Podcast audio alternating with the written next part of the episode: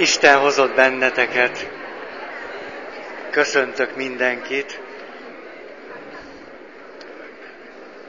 Remélem, hogy lesz helye mindenkinek. Múltkor egy picit, vagy sokkal, nem tudom mi a jó kifejezés, kevesebben voltunk, akkor döbbenetes módon elfért mindenki. Legalább volt egy alkalom, amikor biztos, hogy mindenki kényelmesen volt itt.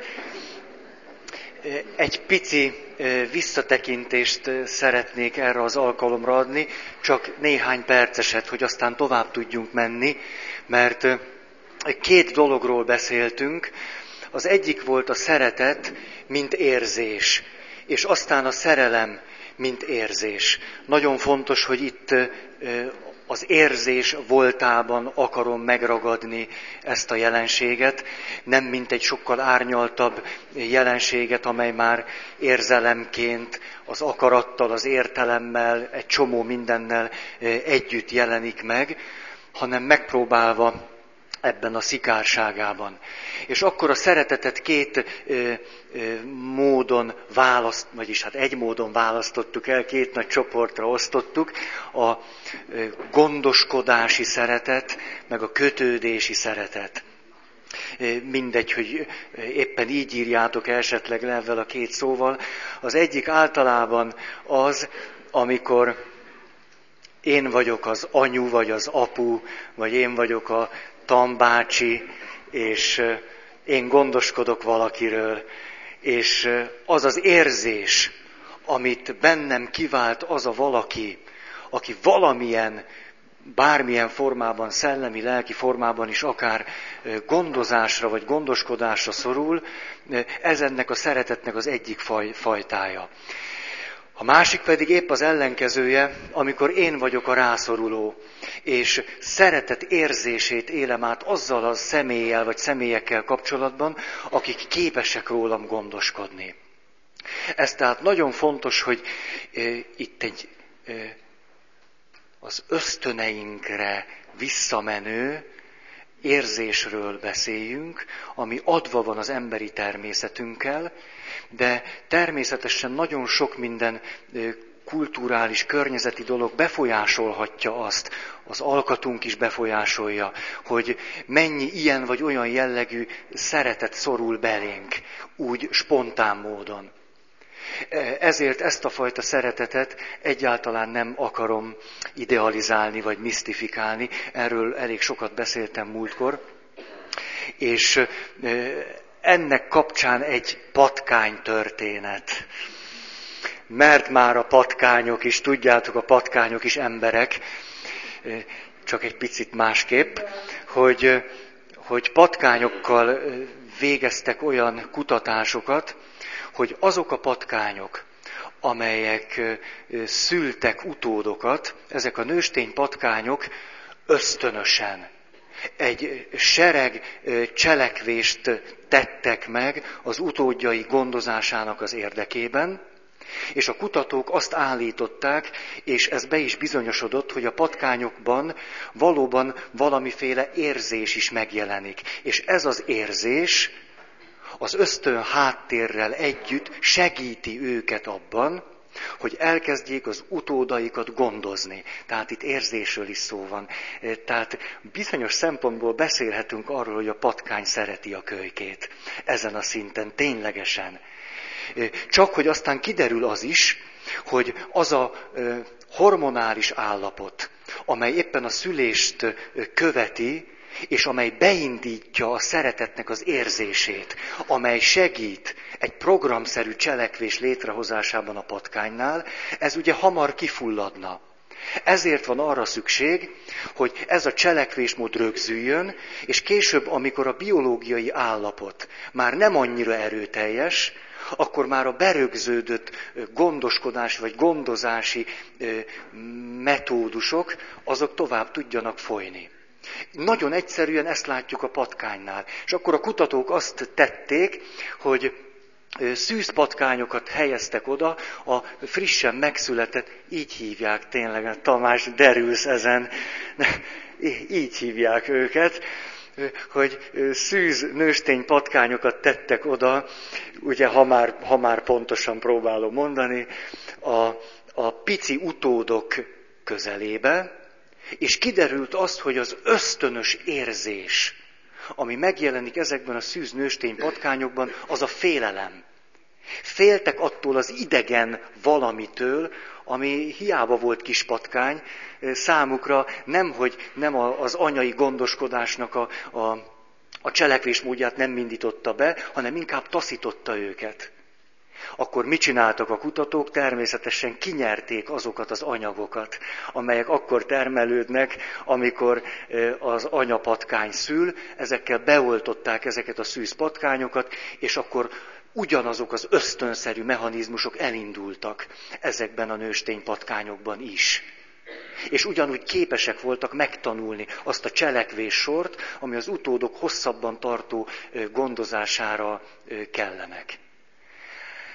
Nyilván nem akarok totál egyértelmű hát következtetéseket nem. A következtetések egyértelműek, hanem mindent egy az egyben áttenni a patkányok világából az emberek világára, mert nyilván nálunk ez sokkal árnyaltabb. De az biztos, hogy az a klasszikus anyai szeretet, vagy az a klasszikus gyermeki szeretet, az alapvetően az ösztönök hátterében jelenik meg, és éppen azok a nagyon erőteljes érzések, amelyek meg, amelyeknek megvan a biológiai háttere, segíthenek bennünket abban, hogy szeressünk az érzés szintjén. Ide nyúl, nyilván tehetjük rögtön Jézusnak a mondását, aki azt mondja, hogy ha ti csak ezen az alapon tudtok szeretni, akkor semmi különöset nem tesztek. Erről Jézus maga is beszél. És azt mondja, hogy ha a szeretetetek nem múlja fölül ezt az ösztönalapú biológiai rendszerű, stb. stb. szeretetet, akkor nem mentek be a mennyországba. Elég erőteljes kijelentése eh, ennek a helyzetnek, vagy hogy eh, merre fele kellene a, az életünket vinni. Na most ide még egy, egy történet. A kislány hát kis zseppénzéből ajándékot vesz az anyukájának. Az összes összekuporgatott pénzéből meglepi őt, és hát az anyukája természetesen nagyon meghatódik, és kérdezi tőle, hogy hát Rozikám, hát hogy, hogy vetted ezt nekem? És akkor a kislány azt mondja, hogy jaj, hát anya azért, mert hogy te annyira szeretsz engem, és annyi, annyi áldozatot hozol értem. Mire az anyukának, hát ez egyfelől nagyon tetszik, de hát ugye ő egy jó anya, és akkor ebből az apa sem maradhat ki.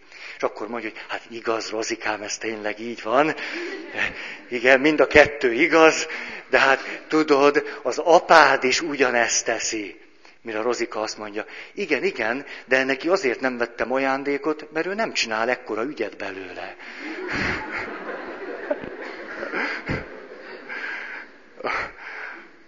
a gyerekek, bár nem tudják, de mi felnőttek tudhatjuk, hogy milyen hihetetlen zseniálisak, mikor ezekről a kérdésekről van szó, jó helyre raknak minket. Egy másik ugyanilyen gyerek történet felvételi volt a katolikus iskolában.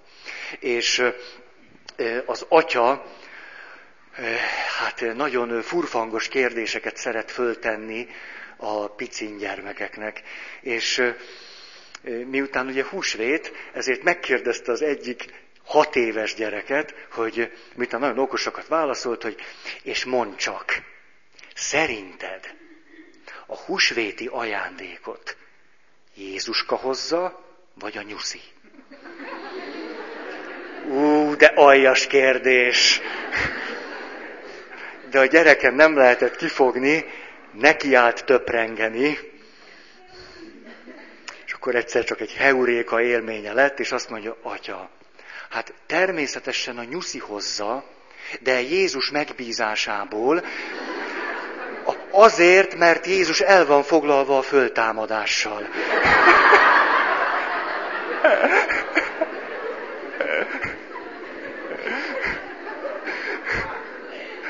A gyerekeket nem lehet annyira átverni, mint ahogy gondoljuk. Hát át lehet őket, de nem annyira. Na, ennyit akkor a, a, arról a, arról a szeretetről, amiről úgy beszélünk, hogy, hogy egy alapvető érzés. A másik nagy téma, amit nem feje... Miért ez a... Ez... A másik nagy téma, amit nem fejeztem be, foglalt az a szék? Nem. Van ott egy szék. Gyere nyugodtan. Meg ha vagytok kint, le lehet még ide ücsörögni. Szóval ott is van még egy szék. Nóri, gyere! Tehát a másik nagy téma, amit mondtam, hogy még messze-messze nem fejeztem be, ez a szerelem. A szerelem, mint érzés. És egyrészt emlékeztek, megkülönböztettem azt, hogy az ösztön, ami ugyan a szerelemnek is egyfajta alapja, az bár egyfajta kulturális harcot vív az erkölcsel, mind a kettő nagyon fontos az életünk szempontjából. És sem az ösztön, sem az erkölcs tulajdonképpen se nem jó, se nem rossz, egyszerűen élet-halál kérdés, szükségünk van rájuk. Ami nem megfelelő az ember számára, vagy ennek a torzulását jelenti, az az ösztönösség, amikor az ember az erkölcsel nem tud mit kezdeni. A másik pedig a moralizálás, amikor pedig az ösztönnel nem tudok mit kezdeni.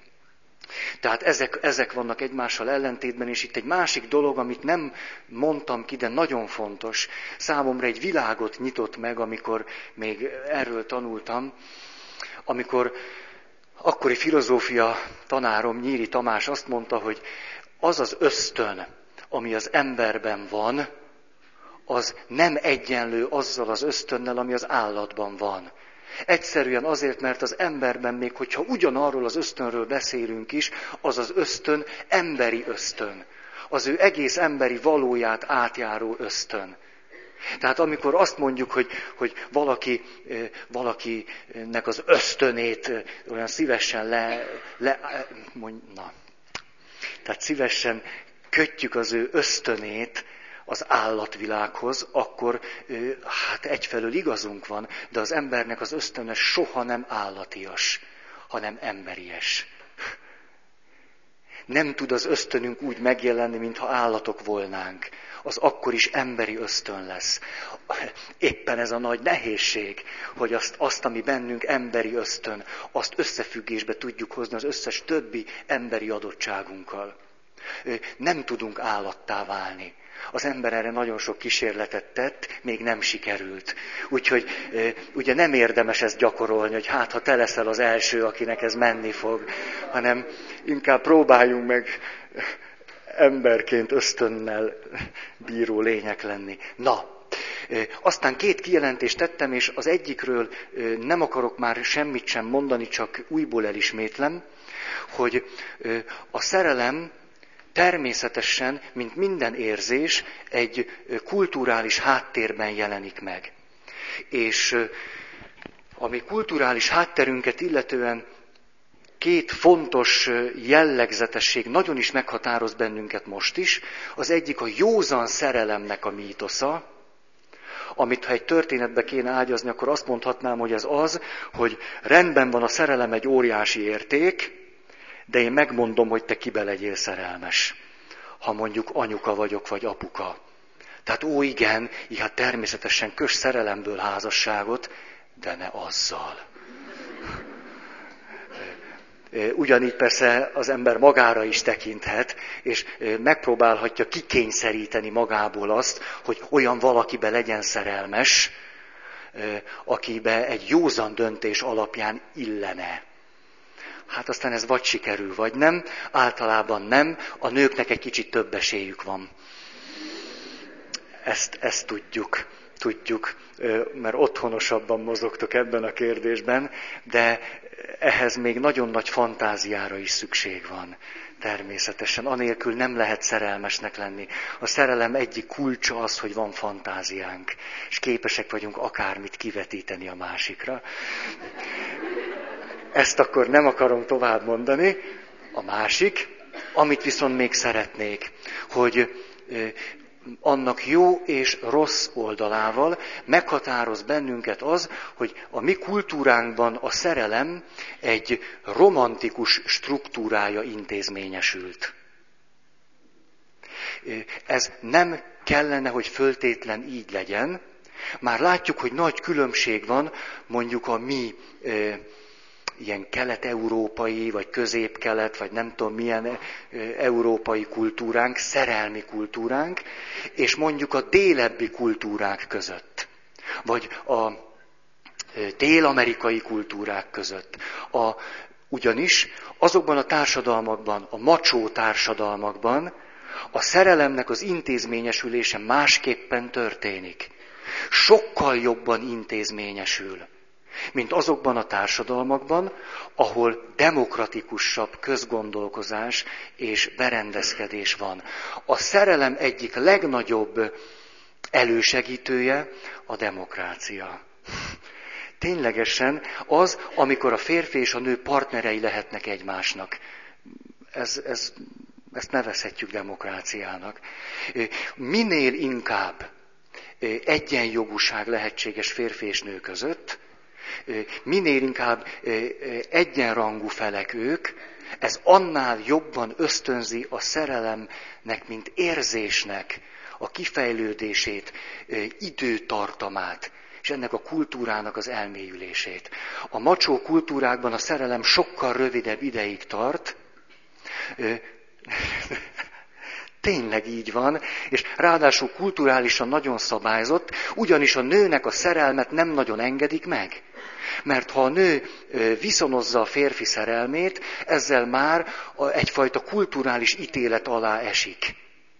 A nőnek játszania kell a férfival, a állandóan némi kis bizonytalanságban tartani, hogy ezzel is ébren tartsa,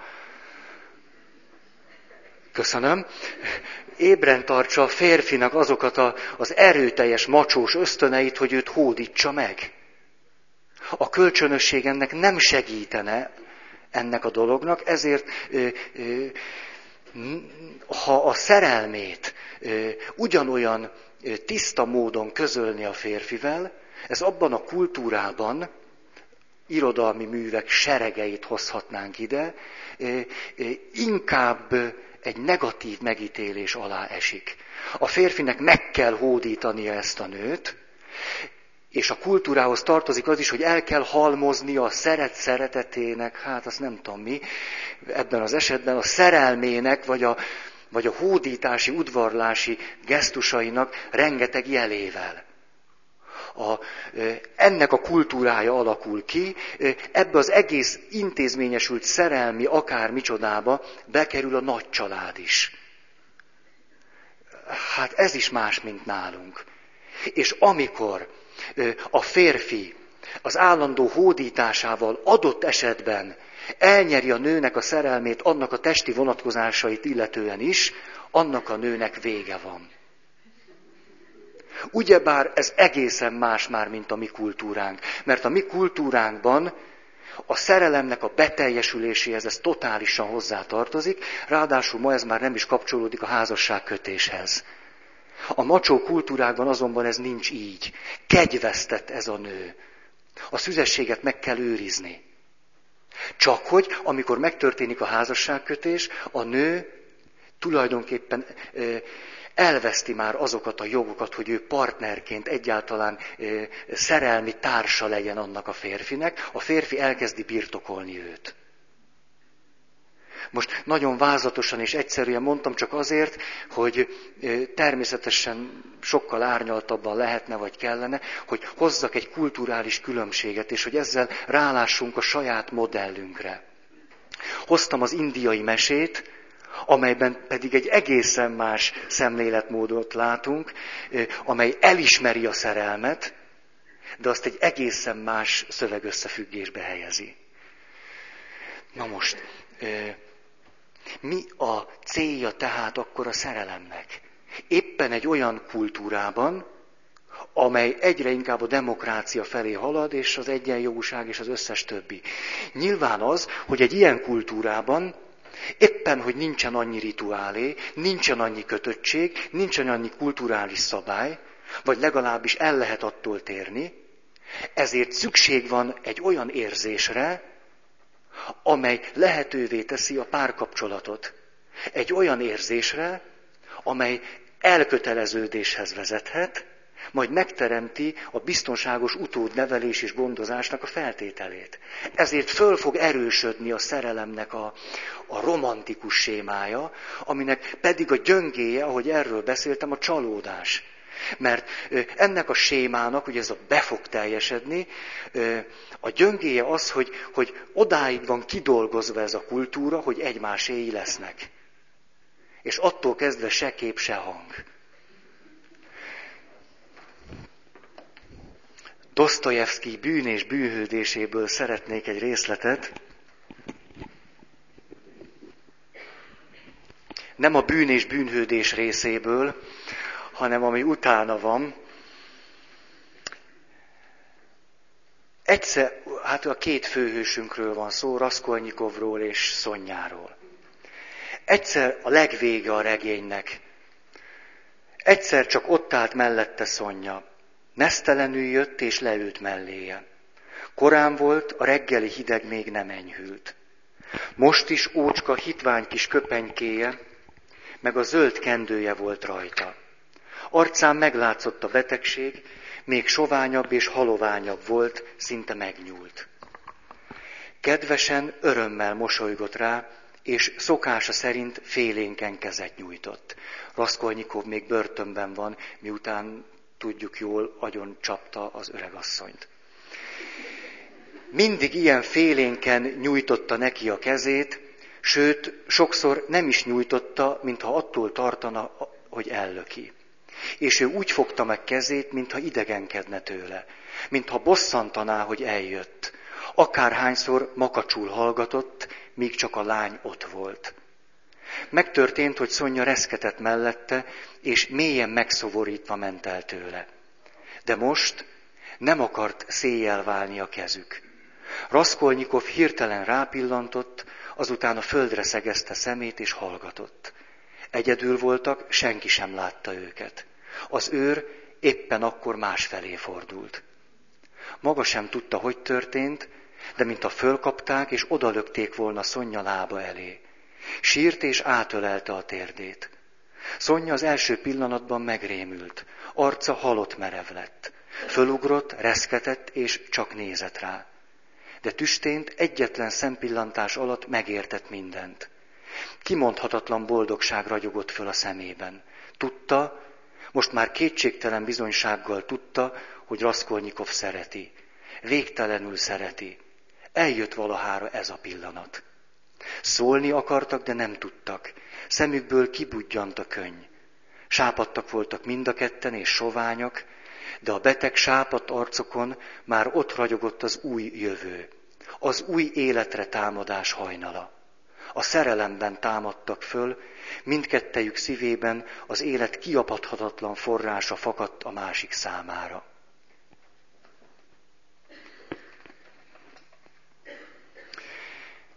amellett, hogy szép, nagyon jól mutatja ezt a, ezt a világot, amiben a szerelem a maga romantikus sémájában intézményesül. Mi ennek a sémának a gyöngéje? Az egyik, hogy ebben a sémában nyilvánvalóan nagyon fontos, hogy annak az illúzióját keltsük, és éljük át, hogy ez a szerelem beteljesedik a maga magasztosságában, vagyis, hogy minden a lehető legszebb. Tehát igyekezni fogunk egyrészt szerelembe esni, mint egyfajta kulturális programot megvalósítani. Valóban az, egyfajta kulturális program. Megpróbálunk szerelembe esni, és ha ez sikerült, akkor azt a látszatot kelteni, hogy ez iszonyatosan jól megy nekünk. És hogy miközben szerelmesek vagyunk, nagyon-nagyon-nagyon jó ez nekünk. Mert ez a romantikus sémához ez tartozik. Mi lesz ennek a hátránya? Az, amiről sokat beszéltünk idáig, hogy kerülni fogjuk a konfliktusokat. Kerülni fogjuk, a miközben szerelmesek vagyunk, és mondjuk éppen nem őrülünk bele a másiknak valamilyen dolgába, azoknak a, a, a ellenérzéseknek, nehézségeknek, akármiknek a kimondását. Mert hiszen abban vagyunk érdekeltek, hogy föntartsunk a, föntartsuk azt, a mítoszt, hogy a szerelemnek az ereje mindenható. Ugye ezt lehetne második pontnak venni. Tehát egyrészt kerülni fogjuk a konfliktusokat, éppen, hogy az őszinteség ellen fog hatni ez a romantikus séma. És amikor elmúlik a szerelem, akkor egyrészt csalódunk a szerelemben is, mert hogy a fenébe múlt el. Hát eddig azt gondoltuk, hogy nem fog elmúlni, és ez még akkor is úgy van, amikor ezt ötötszörre játsszuk el. Ugye énekes, énekel is erről a, a hogy hívják, a, ugye azt hittük, hogy is van az, hogy a Zorán, Zorán, igen, hogy majd a, a, mindez pont nálunk lesz másképp. Pontosan ki, kifejezi ezt a dolgot. Ezért ebbe a sémába kódolva van a csalódás. És ráadásul akkor, amikor a szerelem erejével, amiben valóban egy csomó szeretet is fölfakad bennünk érzés szinten, akkor, akkor ezt az erőt fölhasználhatnánk arra, hogy elkezdjünk egymással egyeztetni. Tehát, hogy a konfliktusainkat éppen ennek az erőnek a, a lehetőségeivel kezdjük el ideje korán föloldani, vagy megoldani. De nem ezt tesszük, mert a szerelemnek ez a romantikus sémája éppen, hogy megakadályoz bennünket ebben. Ha adott esetben pedig valaki fölrobban, ebben a kapcsolatban utána egy nagyon fölfokozott szégyent él meg, mint hogyha elárulta volna a szerelmét. A szerelmét is, tehát a szemét is, de magát az érzést is. Egyfajta szégyent a szerelemmel szemben is. Hogy hogy lehet, mint hogyha akkor ő, ő, ő ezzel ő, hát törbe döfte volna a szerelmet is. Ami, ami hát akkor igazi, hogyha ilyen nem történhet meg benne.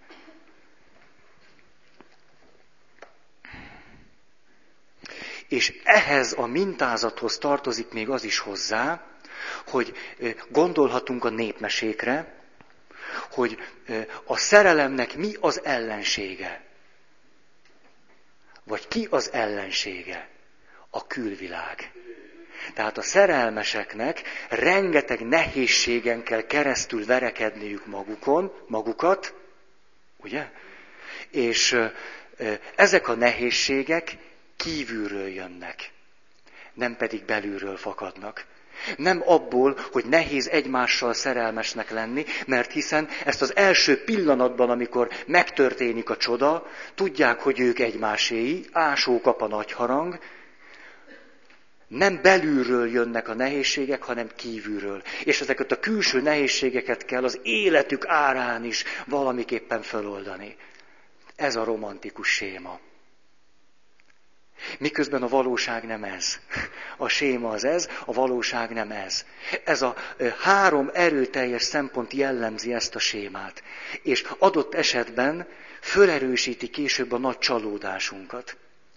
Vagy miközben a szerelem érzése, a szeretettel, ami fölfakad, nagy segítségünkre lehetne abban, hogy egy, egy, egy tartós, nekünk való kapcsolatot alakítsunk ki, ezt az erőt nem tudjuk jól használni.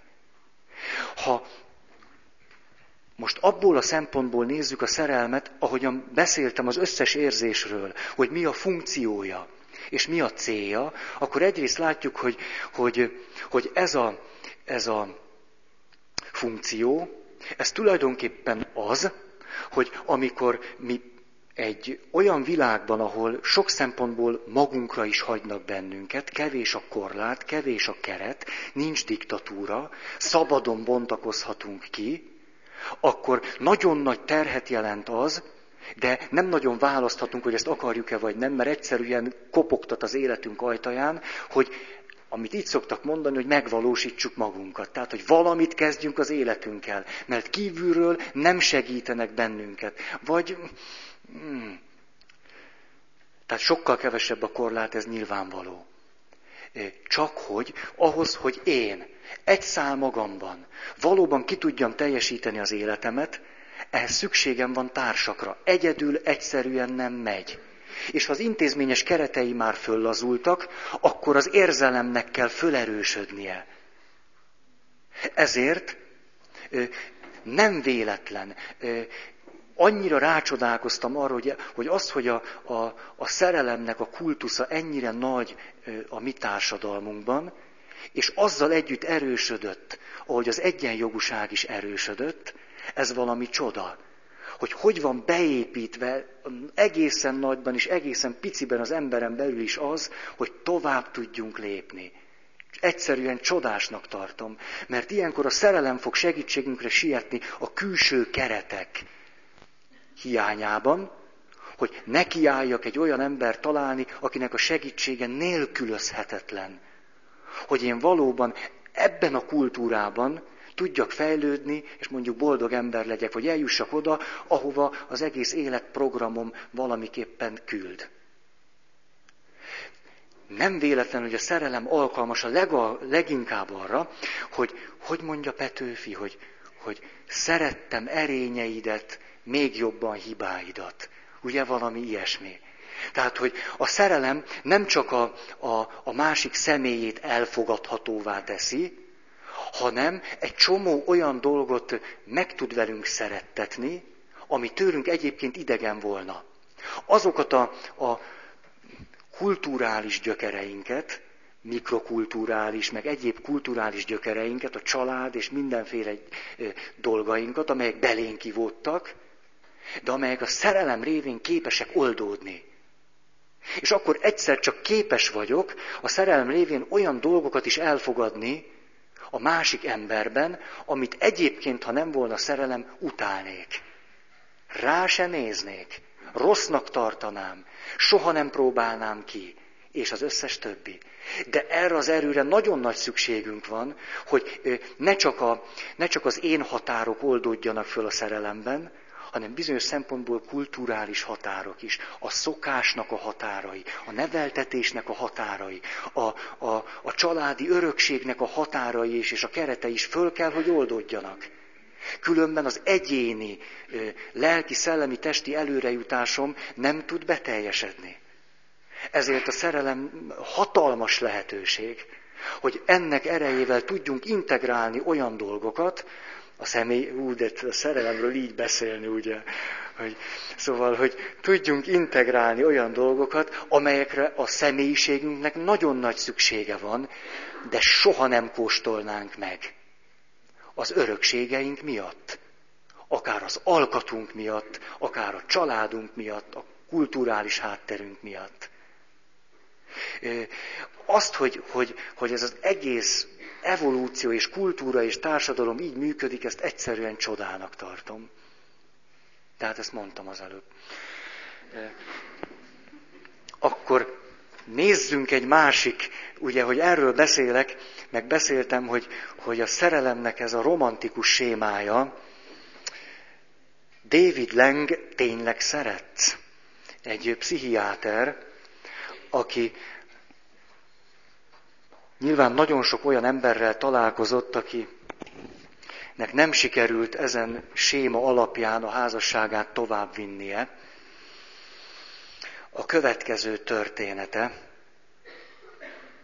ezek nem is történetek, ilyen, ilyen gondolatfoszlányok, nem tudom én milyen stílusban.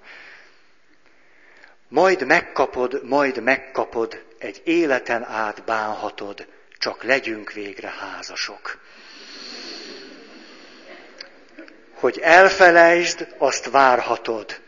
Gyötörlek itt, cincállak ott, csak legyünk végre házasok. Légy leszek, döfök, táncolok, nyomaim vérig vájhatod, csak legyünk végre házasok. Hull má, mázas ok, na ezt még egyszer, mert tehát hull, mázas ok. Hül, lázas ok. Makacs, unalom, acsarog. Csak legyünk végre házasok. Élünk, siralom, házasok. Csak legyünk végre házasok.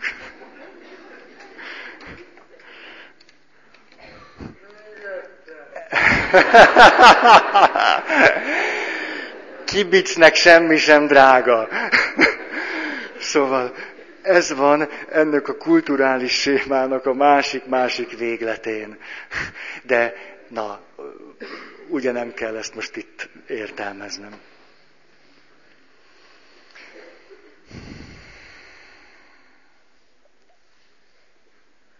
Igen. Két jelenséget még ehhez tartozónak vallok. Az egyik, hogy megint csak ebben a sémában van még két gyöngeségünk, ami a gyakorlatot illeti. Mégpedig a nő részéről egy klasszikus gyöngeség, meg a férfi részéről egy klasszikus, és ez átvezet bennünket oda, hogy lássuk a nagyon szoros összefüggést a szeretet érzése és a szerelem érzése között. Ez pedig az, hogy ebben a sémában a szerelemre hagyatkozva nagyon sok nő arra használja föl a szerelmet, hogy kiszakadjon a családból. Abból a családból, amiből jön. Vagy amiben úgy érzi, hogy igen, igen, gyerekként nagyon is megvolt a helye, a, a szeretetnek nőként a, a struktúráit nagyon jól ki tudta alakítani, de kell egy erő, ami kivonja őt ebből a világból. És ilyenkor megtörténhet az, hogy az elsődleges, szinte ösztönös cél, az az, hogy kivonódjak ebből a, ebből a közegből, ami, ami olyan, hogy jó volt egy csomó ideig, de most már át kellene lépnem egy másfajta, mondjuk irányba, hogy a fejlődésemet már akadályozza ez a szeretet. Még így is lehetne sarkítani. És akkor nagyon sok nőnek ez egy roppant nehézség lehet, adott esetben később kell vele igen komolyan megdolgoznia, hogy belemegy azért a szerelembe, sőt föl is erősíti azt, és aztán a szerelem nyomán meg is házasodik, adott esetben minél gyorsabban, melynek a hátterében pusztán az van, hogy a szeretet, a családi szeretet túl jól működik. Vagy másféle, de nagyon erős érzések és érzelmi kötelékek túl erősek. Másképp nem tudna belőle kijönni. Ekkor történik az, ez a háttere, hogy a férfi, akihez megy, az egy picit apuka. Természetesen. Legalább olyan erősnek kell lennie, mint a papának, sőt egy picit még erősebbnek. A másik, a férfiaknál ez talán még gyakoribb, mint a nőknél az, amiről eddig beszéltem, hogy a férfit pedig a következő dolog, hát mondjuk kísérti folyton folyvást, hogy találjon magának egy újabb anyát. És őt pedig ebbe a mechanizmusba fog belepörögni. Ahol ez a két dolog találkozik, ott sokáig jól mennek a dolgok. De hát, hogy aztán mi lesz belőle, ez nagy kérdés. Ez nagy gyöngéje ennek a struktúrának. És itt van akkor egy nagyon fontos kapcsolódás a szeretet és a szerelem érzése között, hogy nagyon hasonlítanak egymásra. Nagyon-nagyon-nagyon. Hiszen tudjuk azt, hogy a, a, a, gyerek és szülő közti szeretet sem nélkülözi a szexuális fölhangokat. Nagyon is benne van. Csak az van, az nem bontakozhat ki. A házasságban pedig nagyon klasszikusan, egy, egy igazán jól működő házasságban pedig természetesen elsősorban két felnőtt ember házasodik meg, és nem annyira apuka lánya, vagy anyuka fia köt egymással házasságot. Tehát ott pedig Nyilván ez, a, ez az anyai gondoskodó, apai gondoskodó szeretet az, ami sokkal kevésbé jelenik meg, vagy nem annak van a prioritása. Természetesen a házasságban pedig a, a, a, a szexuális szeretetnek, vagy szerelemnek, vagy nem tudom még minek van meg az elsőbsége. De a kettő igazából nagyon-nagyon közel van egymáshoz. Nem egy asszonytól hallottam azt, hogy azt mondta, ilyen nyilatkozat, hogy, hogy életemnek két nagy szerelme van. A férjem meg a fiam. Vagy a férjem meg a gyerekem. Főleg elvált, elvált asszonyokat lehet hallani médiákban, egy csomószor hallottam már, hogy most élem életem nagy szerelmét, én és gyermekem együtt vagyunk. Tehát ösztönösen is tud beszélni egy nő úgy a gyerekéről, mint a szerelméről. Nem akarom összemosni, de hogy, hogy a határok sokkal kevésbé egyértelműen elválaszthatók, az biztos. Vagy élhetünk úgy, mintha itt nagyon különböző dolgokról volna szó, valójában azonban ezek, ezek adott esetben megoldandó helyzeteket jelentenek.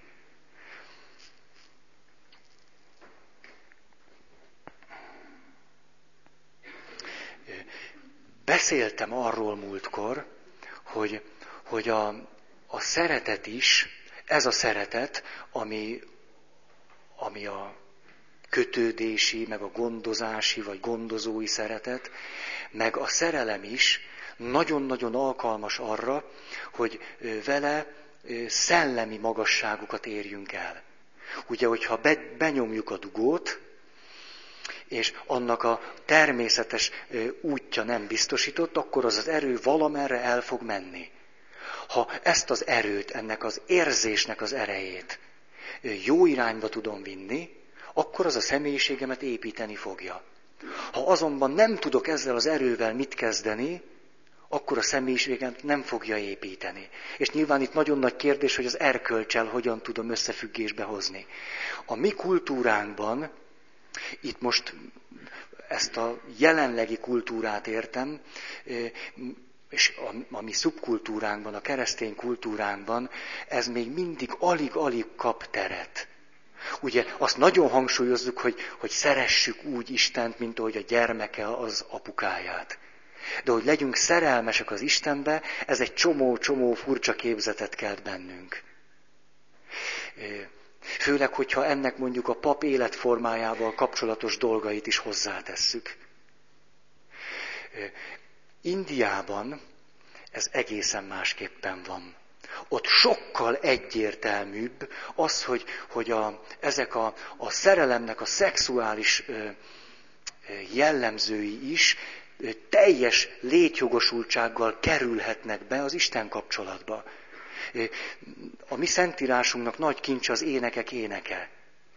Az új szövetségben azonban szinte semmi ilyenről nem, nem hallunk. Nagy kár. Nagy kár. De nézzük most a, talán egyébként nem, nem véletlen, most csak a kulturális háttér jutott eszembe. Upanisádok, második kötet, védikus irodalomnak a vége, és abból egy részletet akarok felolvasni, ami a papokról szól. Hogy a pap, amikor imádkozik, akkor tulajdonképpen mit is csinál. Ezt írja le ez az upanisád.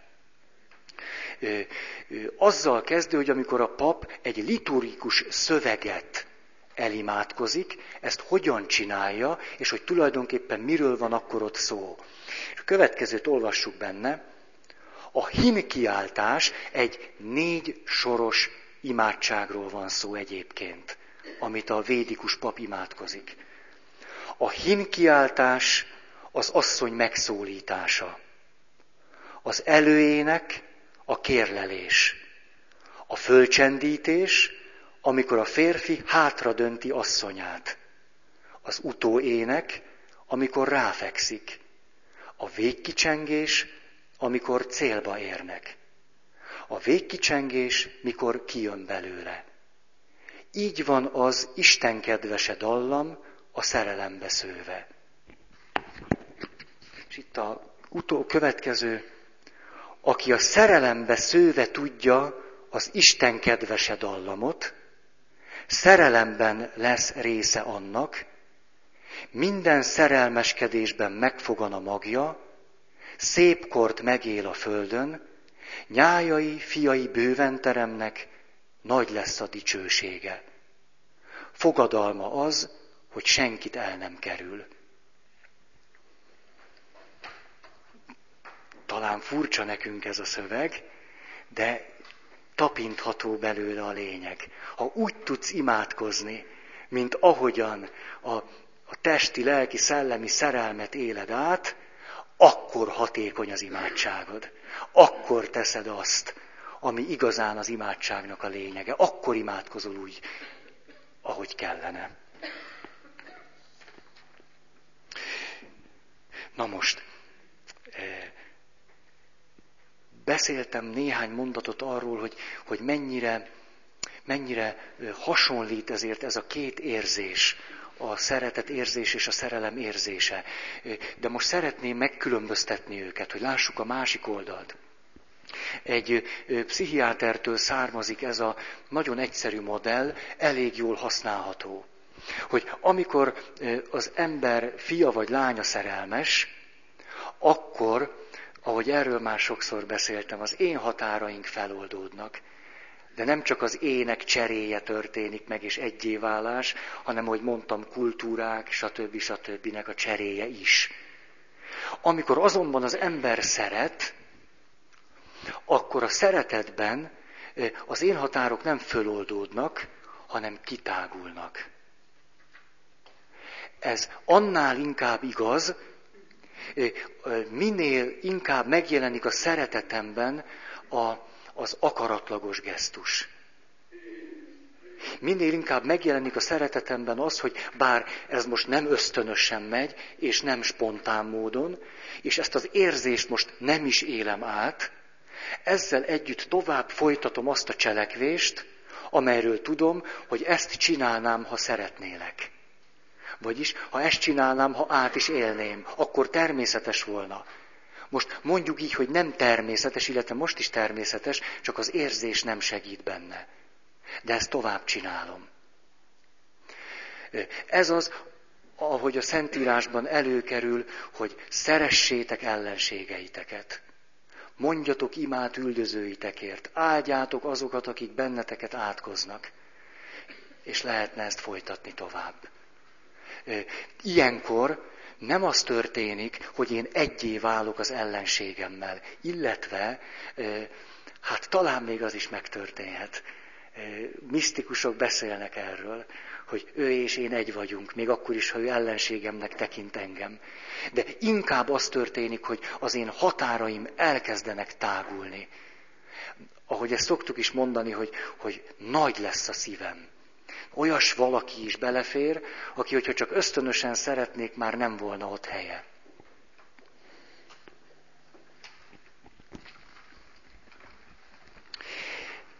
Hmm. Na most, a lelki gondozó, pap, tanár, orvos, pszichológus, pszichiáter, és az összes többi ilyen ember, aki nagyon közeli kapcsolatba kerülhet olyanokkal, akik, amikor segítséget kérnek tőle, akkor milyen érzés segíti őket abban, hogy kérjenek segítséget, hogy föntartsák ezt a kapcsolatot, hogy meg akarjanak maradni az ő közelében, hogy át tudják venni az ő, az ő segítő dolgait. Nyilván az a szeretet, amivel kötődök ahhoz, aki rólam gondoskodik. És éppen azt látjuk, hogy minél szorosabb egy ilyen lelkivezető, lelkivezetett, vagy mit tudom én milyen viszony, pszichológus és kliens viszony, annál nagyobb a lehetősége annak, hogy szerelembe essenek. Vagyis, hogy ez a két érzés annyira közel van egymáshoz, át is fedik egymást, hogy nagyon könnyű az egyikből átmenni a másikba. Roppant könnyű. És ezért a, a, akármilyen segítőnek mire van szüksége. Hogy tudja azt, hogy akkor tud segíteni annak, aki jön hozzá segítségért, hogyha azon az alapszinten sikerül a kliensében kialakítani egy új struktúrát, vagy megerősíteni egy struktúrát, ami a gyerekkori szint. Tehát vagyis akkor jár el helyesen, ha megtartja azt a viszonyt, hogy ő úgy lép föl, mint apa vagy anya. Ahogy Kár Gustav Jung mondja, legyenek lelki atyáitok és lelki anyáitok. Mert ez az, ez az ős eredeti kapcsolat. És akkor jár el helyesen, hogyha ha ebben a kapcsolatban megerősíti azt, aki hozzá segítségért fordul, és utána engedi, hogy, hogy miután kialakult ez a, ez a már esetleg jól működő alap, amiben ő nagy hiányt szenvedhetett, hogy utána legyen egy jó és egészséges párkapcsolata. Ez volna a, a jó minta. Ezt azért mondom, mert természetesen lehetséges az, hogy a kliens szerelmes lesz a, a akárkibe, aki segít neki. Ez megint csak nem baj. Sőt, nagyon is jó. Mert ez azt jelenti, hogy egy még fölfokozottabb érzés fogja segíteni a klienst abban, hogy rendezzen a személyiségében valamit, amire egyébként nagy szüksége volna.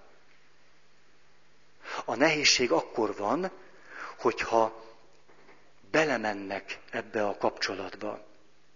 Mert akkor amennyi előnye volt ennek, annyi hátránya is lesz. Ezt azért mondom, mert ti akármilyen formában belekerülhettek innen is, meg túl is ilyen helyzetekbe. Hát klasszikus helyzet az, amikor, amikor a, a munkahelyen éppen szerelmi bánata van az asszonynak, vagy éppen nincs jóba a férjével, és akkor te, rendes kollégája, mit csinálsz? Megvigasztalod. Vagyis ki vagy te akkor? Apuci. Apuci vagy, aki az öletbe ülteted őt. A szegény, szomorú kislányt. És ez az a pillanat, ami hát már nehéz meghúzni a határt, hogy itt most éppen melyik érzés is van jelen, ő benne meg a másikban. Tehát a kettő pillanat alatt tud váltani. Ezért ne áltassuk magunkat egyáltalán hogy ú, keresztény emberek, nagyon tudjuk magunkat áltatni, hogy hát mi, mi gondoskodó szeretetemmel veszem körül. Na, na, na. Már a füled is vörös, úgy bele vagy zúgva, csak nem mered bevallani. Úgyhogy mondjuk kiábrándult házasokat nagy óvatossággal segítsetek nem véletlen, hogy, hogy ezt nagyon akartam tisztázni, mert lépten nyomon találkozom azzal, hogy kedves fiatal keresztények, akik a szerelemnek a romantikus mintáját jó alaposan bevésték a tudatukba, egyszer csak úgy benne vannak egy férjes asszony, vagy egy, mi a másik? Nős férfi. Egy, egy nős férfivel való viszonyban, hogy azt se tudják, hogy kerültek oda. Nem is értik. Hát egész életükben nem erre készültek. És tényleg így van. Tényleg így van. Ezért ezek az illúziók, amelyek a szerelemnek ezt a romantikus sémáját táplálják, hűha, hűha.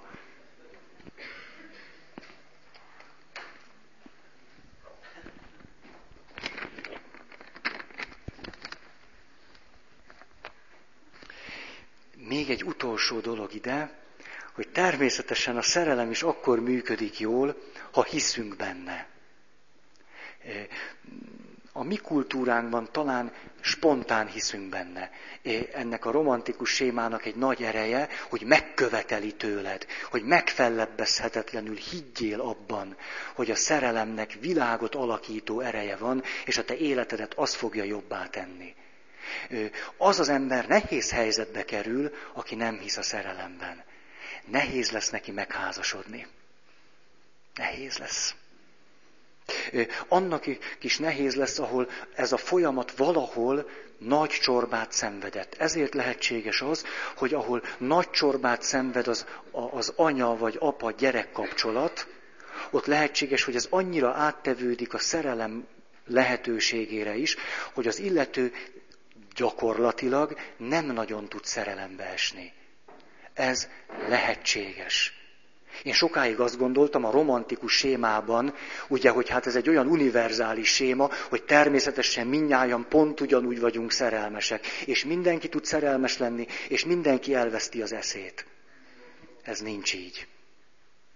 Nincs így.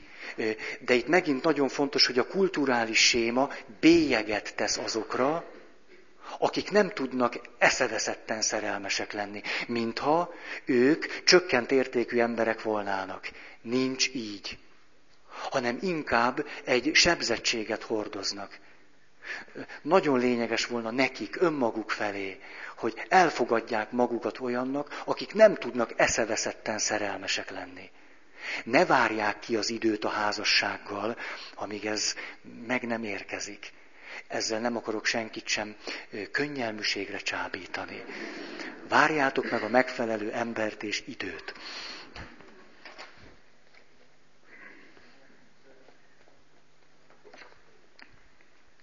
Hát, ö, elnézést. Belenézek a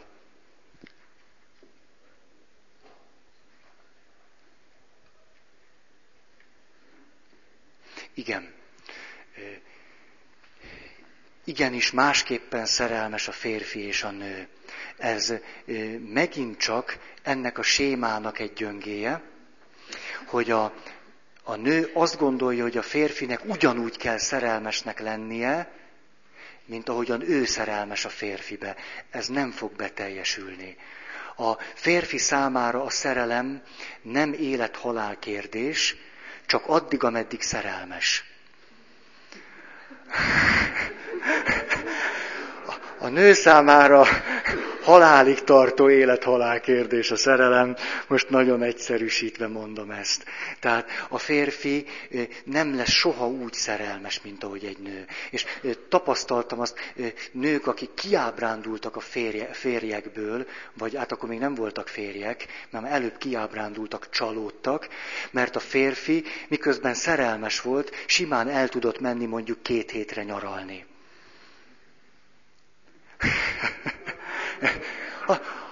Az neki ment. És ugye a nő, mikor a férfi megérkezett, akkor számon kérte rajta, hogy, hogy neked is annyira iszonyú volt. Szegény férfi. Hát most erre mit kell mondani? Hát ha csak éppen tényleg az agya nem abban a endorfin, meg minden tejben úszott, amiben mondjuk őszintén mondhatta, hogy én is, akkor hát lehet, hogy amikor éppen biliárdozott, akkor nem, nem, nem volt ez annyira fontos neki, vagy akármit lehetne mondani. Értelmetlen egy férfitől azt a fajta szerelmet elvárni, amit egy nő átél. De fordítva is, egy férfi ne akarja lebeszélni a nőt, hogy az meg úgy legyen szerelmes, ahogy. Hanem hát örüljön neki. És akkor egy, egy utolsó, nyilván ennek megvan az összes-összes vonatkozása a szexualitásra nézve is, a szexuális kultúrára, az erotika kultúrájára. Na hát annak adtunk egy nagy pofont, az biztos, az utóbbi janzenista, viktoriánus és egyéb erkölcstanunkkal. Nagyon nagy szükség volna egy, egy igazi, kiforrott, jó erotikus kultúrára.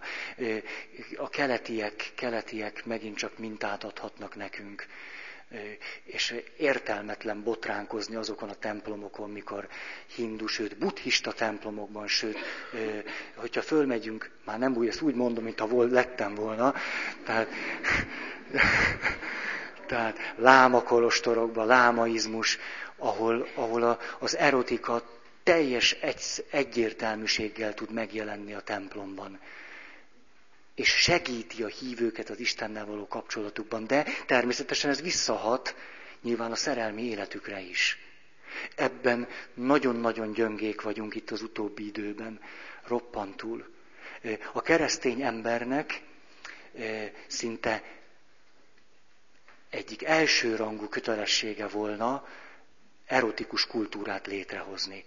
Most lehet, hogy ilyen nincs is, hogy keresztény erotikus kultúra, mert, mert ezt, ezt tehát ne, ne, ne, van, van jó erotikus kultúra, és akkor azt keresztény ember jól csinálja. Hát nyilván így van ez, de hogy nyilván azért valamiféle specialitásunk lesz ezen a téren is, hát ezt ki kéne dolgozni.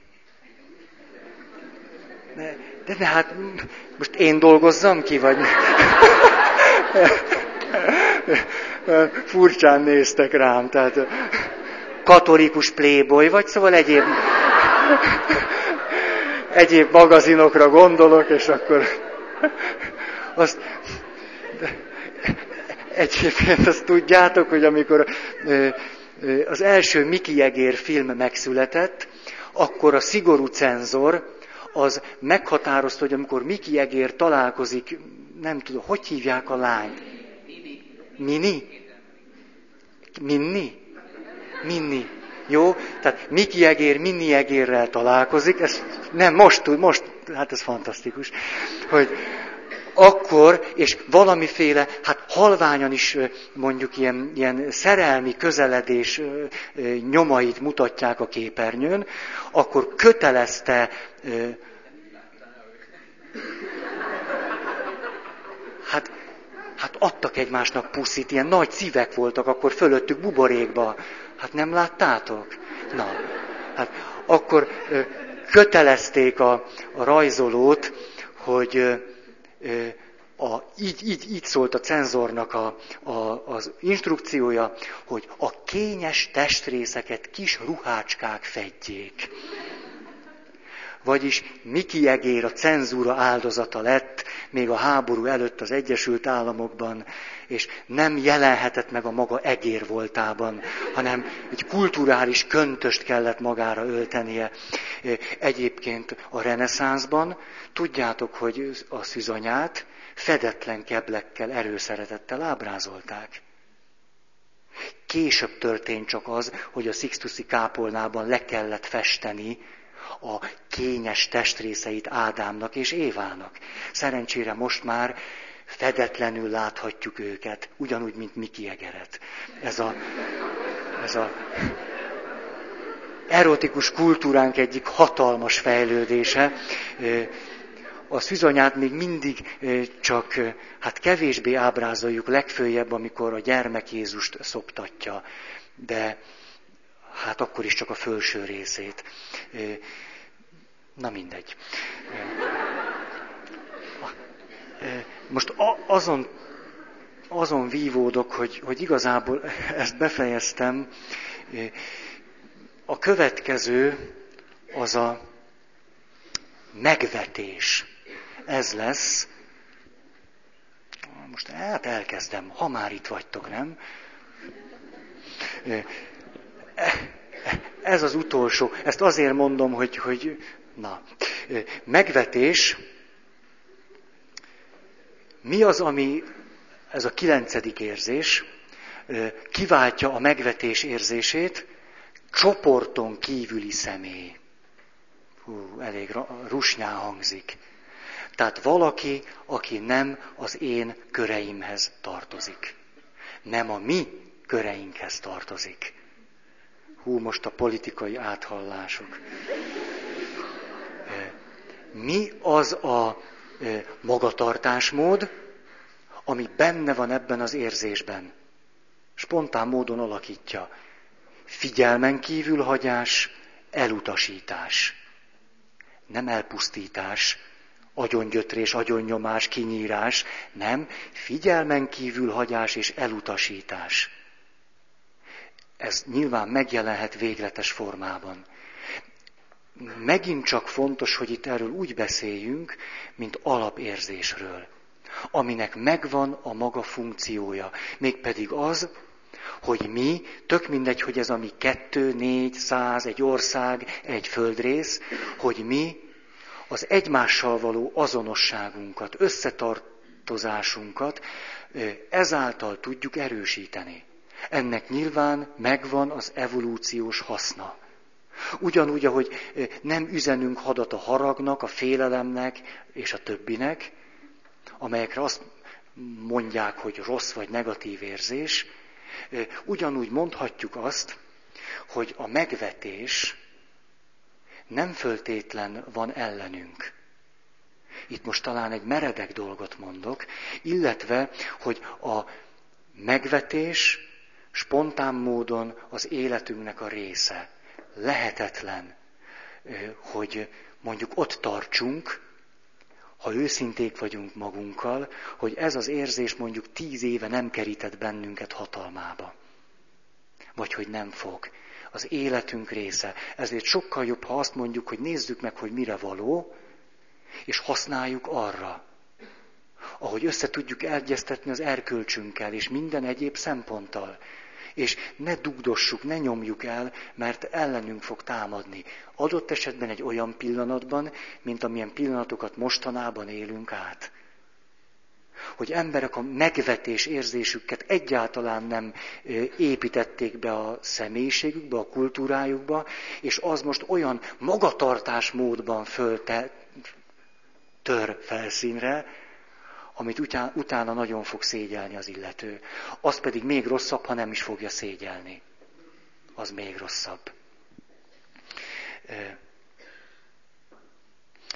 Nyilván ez az érzés negatív gondolkozásra és magatartás formára indíthat bennünket előítélet. Az előítélet érzelmi alapja, érzésbeli alapja a megvetés, a megkülönböztetés, diszkrimináció, hátrányos megkülönböztetés, kirekesztés, és a többi. Ebből az érzésből fakad.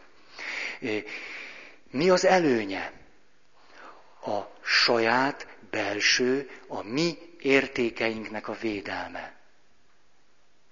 Tehát azt a célt szolgálja, hogy ezáltal is erősebben tudjuk megvédeni azt az értéket, ami adott esetben egy idegen személy megjelenésével számunkra félelmet keltően veszélyeztetve van.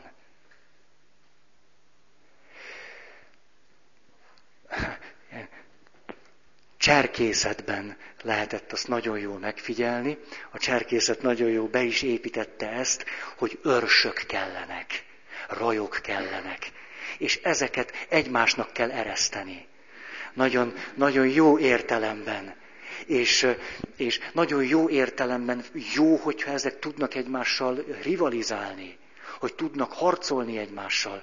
Amikor lélektant tanultam, akkor, amikor a csoport kohézióról tanultam, hogy mi az, ami egy csoportnak az erejét képes fokozni, akkor az egyik főpont az, kell egy ellenség.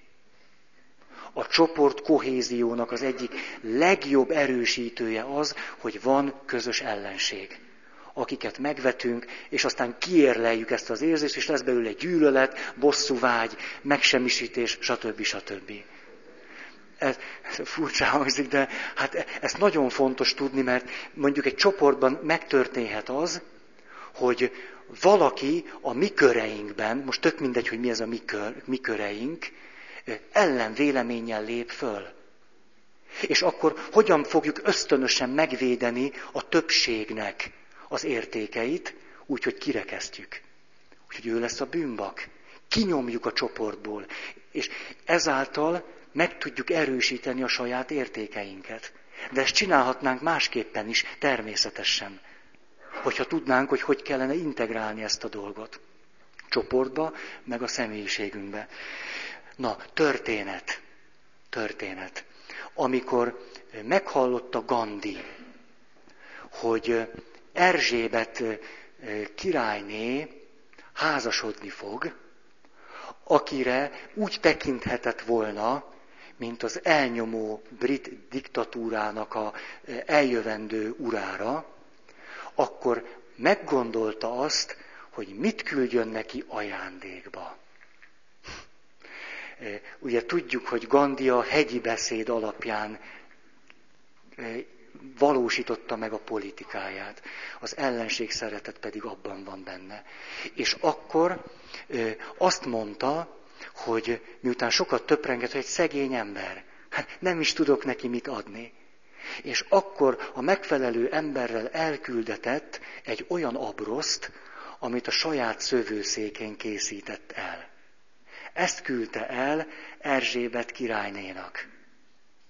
É, és, illetve hát akkor még mi volt király kisasszony, vagy hogy mondják az? Hercegnő, hercegnő, na, neszeneket kultúra, szóval hercegnőnek.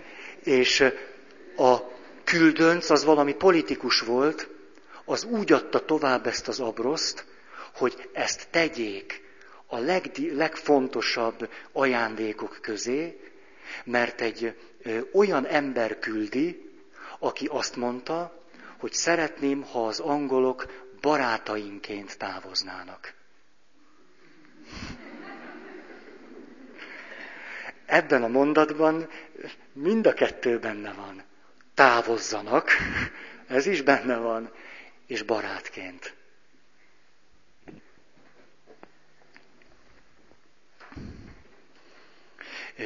A zsidó kultú, hú, most meg túlmentem az időn. Na, akkor ez az utolsó.